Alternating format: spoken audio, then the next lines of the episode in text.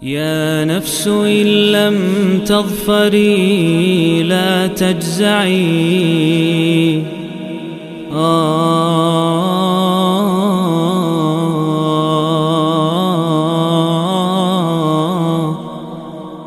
بسم الله الحمد لله والصلاة والسلام على رسول الله أما بعد. Masih bersama program 114 hari menyambut bulan Ramadan.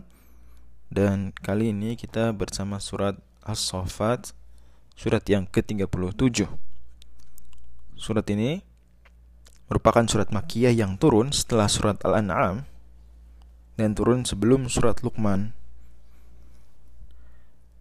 Surat ini terdiri dari 182 ayat.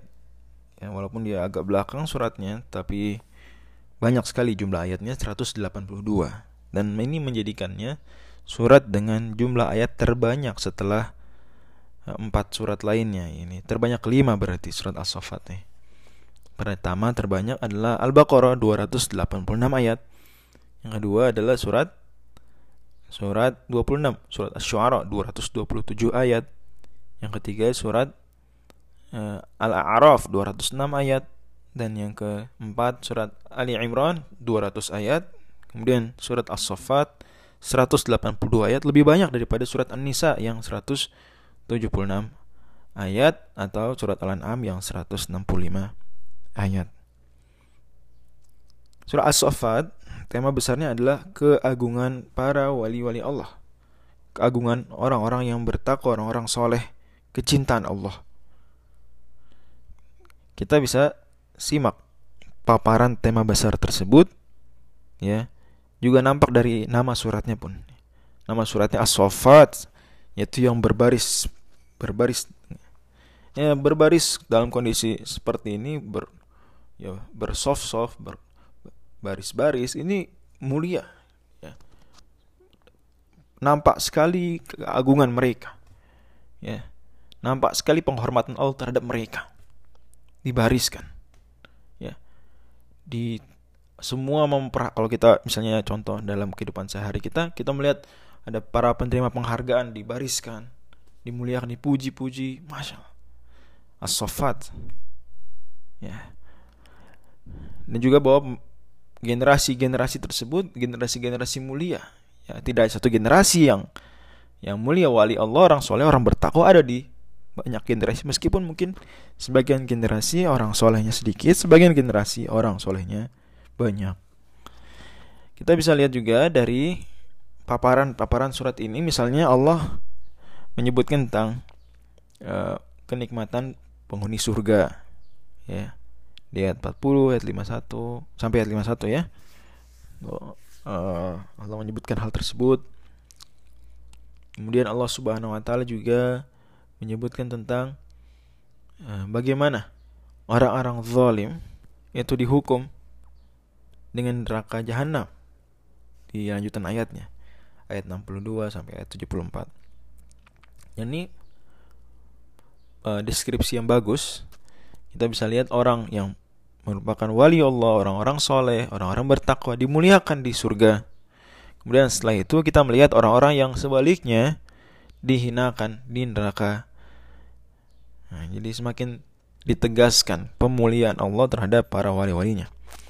Juga kita bisa lihat paparan terkait dengan para nabi dan umat mereka. Kisah Nabi Nuh, Allah selamatkan Nabi Nuh, Allah tenggelamkan pengingkar Nabi Nuh.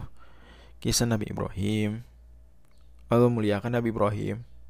Allah muliakan Nabi Ismail alaihi wassalam kisah Nabi Musa dan Nabi Harun alaihissalam. Allah muliakan mereka. Kisah Nabi Ilyas alaihissalam. Allah muliakan beliau, muliakan kaumnya.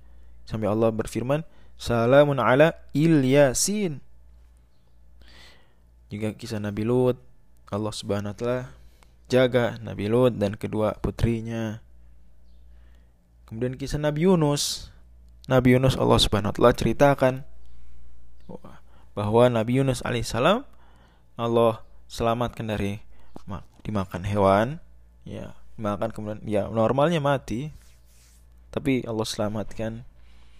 Kemudian didamparkan di tepian pantai. Kemudian Allah subhanahu wa taala tumbuhan.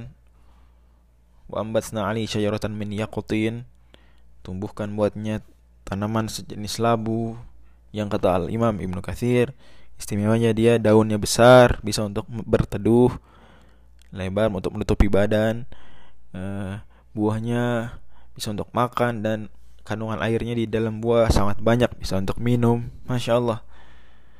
Yang kemudian Allah Subhanahu wa taala juga muliakan kaumnya Nabi Nuh eh Nabi Yunus alaihissalam karena mereka beriman. Allah selamatkan mereka dari azab. Ini juga sudah disinggung di surat Yunus ya dulu sekali.